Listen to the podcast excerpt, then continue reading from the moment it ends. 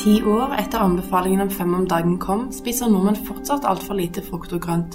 Det viser en studie i siste nummer av tidsskriftet. Velkommen til tidsskriftets podkast for nummer 17 2007. Offisielle anbefalinger om å spise fem porsjoner frukt og grønt ble innført i Norge i 1996. I artikkelen, som er en del av en ny temaserie om ernæring og helse, ser Knut Inge Klepp og kollegaer på hvor mye frukt- og grønnsaksforbruk eventuelt har økt etter at anbefalingen ble innført. Og For å kunne svare på det spørsmålet, så tok vi utgangspunkt i eksisterende data når det gjelder matforsyningsdata. Det er altså den data som viser hva mat som er tilgjengelig i eh, befolkningen. Og så brukte vi òg forbrukerundersøkelsene, som er undersøkelser hvor en ser eh, hva familiene kjøper inn. Og I tillegg så brukte vi data fra noen eh, spørreskjemaundersøkelser som har gått over lang tid. Hvilke tiltak ble satt i gang på 90-tallet for å øke forbruket av frukt og grønnsaker? Ja, da en fikk utredningen utredninger som viste at en hadde et veldig lavt inntak i Norge, så ble det altså innført nye anbefalinger, og de blir gjort gjeldende fra 1996. Og var da anbefalingen fem om dagen, to frukter og tre grønnsaker, hvorav én kunne være potet ble introdusert, og det var en rekke eh, medietiltak i tilknytning til det. Blant annet så ble det kjørt en eh, massemediekampanje hvor eh, både offentlige myndigheter og en rekke private organisasjoner deltok. Og frivillige organisasjoner som Kreftforeningen, Legeforeningen var med, og myndighetene. Så ble det òg satt i gang tiltak for å øke inntaket blant skolebarn, og innførte en ordning med skolefrukt først som en prøveordning i 1996, og den ble senere gjort landsomfattende.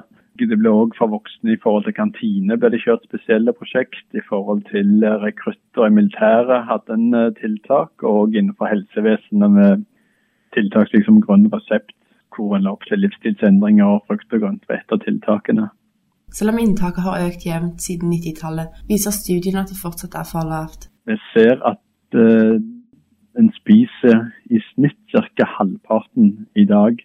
Det har vært en uh, markert økning siden midten av 90-tallet på en 10-15 uh, kan noen tall uh, tyde på. Men fortsatt så ligger den altså en god del under det som er anbefalingen. Har folk flest nok kunnskaper om frukt og grønnsakers betydning for helse?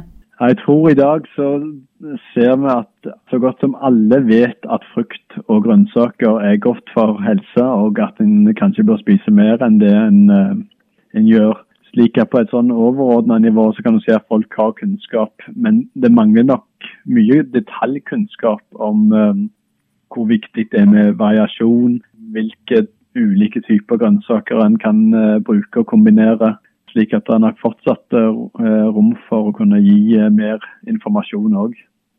Dere viser altså at nordmenn spiser altfor lite frukt og grønt for øyeblikket. Hva mener dere kan gjøres for å øke forbruket? Ja, dette eh, tiltaket skolefrukt er jo et veldig positivt tiltak hvor en har sett skoleelever som får utdelt frukt og grønt på skolen, øker inntaket kraftig. Og Fra og med nå i høst så er jo dette blitt gjort til en gratis ordning, dvs. Si uten foreldrebetaling for elever på alle ungdomsskoler. Og eh, Håpet er at det fra og med neste år òg vil bli gitt til alle landets elever i barneskolen. Og vi tror det er spesielt viktig å satse på barn og unge, fordi eh, dersom en lærer seg å spise mer frukt og grønt i barneårene, så det er mye som tyder på at de vanene tar med seg inn i voksen alder. Men Et annet eh, tiltak som jeg tror er viktig, det er dette med pris og tilgjengelighet. Hvordan det markedsføres og presenteres i butikker. Sånn at eh, Et uh, mål fra helsemyndighetenes side er at frukt og grønt skal kunne konkurrere på pris med andre matvaregrupper. Og vi ser at det har vært en uheldig, spesielt sterk prisøkning på disse varegruppene de siste 10-15 årene. Og eh, vi ønsker òg som sagt at det skal presenteres og gjøres godt tilgjengelig i eh, butikker. Og det er undersøkelser som viser at de får mindre gulvplass enn det den totale omsetningen av denne matvaregruppen skulle tilsi. Du kan lese mer om dette i artikkelen 'Fem om dagen ti år etter'. I en annen artikkel i temaserien ser Nanna Lien og kollegaer på overvekt blant ungdom i Oslo.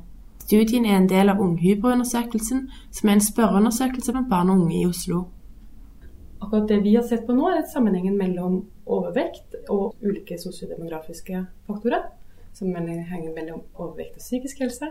Og eventuelt hva som skjer med sammenhengen mellom overvekt og sosiale forskjeller når man kontrollerer for livsstil. Hva viser resultatet? Det vi fant, var at det var forskjell i andelen som var overvektige, avhengig av kjønn. Og vi fant at det var sterk sammenheng med foreldrenes utdanningsnivå. Men vi fant ikke så særlig sammenheng mellom etnisitet og overvekt. Men 7% av jentene var overvektige. Var dette høyere blant gutter med 12% Jeg spurte om dette var noe de hadde forventa. Jeg vet ikke om vi egentlig hadde tenkt så veldig på om det skulle være, men jeg tror ikke det er uvanlig at man finner en større andel av overvekt blant gutter. For gutter har nok lov til å være litt kraftigere enn jentene. Jentene, Dette er jo snakk om 15- og 16-årige gutter og jenter. De er nok litt mer bevisst på vekta si, har kanskje begynt å gjøre litt mer med den enn det guttene gjør. Lien og kollegaer fant òg store sosiodemografiske forskjeller. Det viktigste der er jo forskjellen avhengig av utdanningsnivået til foreldrene. Og Her har vi bare tatt med utdanningsnivået. Tidligere har jeg også sett på yrkes- og inntektsfaktorene, og de er ikke så sterke. Sånn at man finner at de som har høyest utdanning, er de som har lavest overvekt blant barna. Denne sammenhengen består selv etter justering for andre demografiske faktorer og livsstilsfaktorer. Hva kan være grunnen til det? Det at uh, man finner den forskjellen fremdeles, selv om man har da kontrollert for livsstilsfaktorene, det kan nok være mye med metoden. Dette er et tverrsnittsstudie. De som er overvektige, har nok allerede begynt å slanke seg. Det viser en veldig tydelig sammenheng med slanking, sånn at de har gjort en endring av livsstilen allerede. Så det gjør det nok vanskelig. En annen ting er at dette er en helseundersøkelse Det er det med fysisk aktivitet og kosthold var en liten bit, så man har ikke noen gode mål da på energien inn og energien ut, som dette er snakk om. Og Det å utvikle overvekt tar jo tid. Det er jo kanskje en liten energiubalanse over tid. Så tverrsnittsbildet tverrsnittsbilde som vi har her, det gir kanskje ikke hele sannheten. Resultatene deres viser at det er en sammenheng mellom psykiske plager og overvekt blant jenter, men ikke blant gutter. Hvorfor tror du det? Generelt så har vel jenter eh, i den alderen, i ungdomsalderen, litt mer psykiske plager enn gutter. Vet ikke om gutter har litt mer å ta det med. Og som vi var inne på tidligere, det med vekt. At jenter er mer opptatt av kroppen og vekta si og hvordan de ser ut. Så det at vekta har mer å si for den psykiske helsa til jenter, det tror jeg nok vi kan si, selv om ikke de dataene her egentlig kan bevise det. Forskjellen i prevalens av overvekt var ikke statistisk signifikant ut fra etnisitet i studiene deres. Forventer dere det, og tror dere det hadde vært annerledes om studiet var større? Det er klart at Når vi har delt opp i etnisitet her, så er det bare en par grupper som er ganske store. det er jo forskjell på hvor de kommer fra i verden. Sånn at noen av gruppene blir veldig små. Og det er nok litt av grunnen til at man ikke finner signifikante forskjeller. I utgangspunktet så tror jeg ikke vi hadde forventa oss at vi skulle finne tydelige forskjeller. Det er klart det er mye metodisk her også, for der kommer genetikken inn i bildet i tillegg til miljøet. Og det vet man en del om, og nå har de blitt vurdert etter samme kriterier som de norske, og det er kanskje ikke helt riktig heller. Og det er mulig at vi brukt de kriteriene der man vurderer etter da egne standarder for sørasiatere f.eks., så det er mulig å finnes flere overvektige. Også dette kan du lese mer om i temaserien Ernæring og helse, som begynner i dette nummeret av tidsskriftet. Takk for at du hørte på Tidsskriftets podkast. På gjenhør.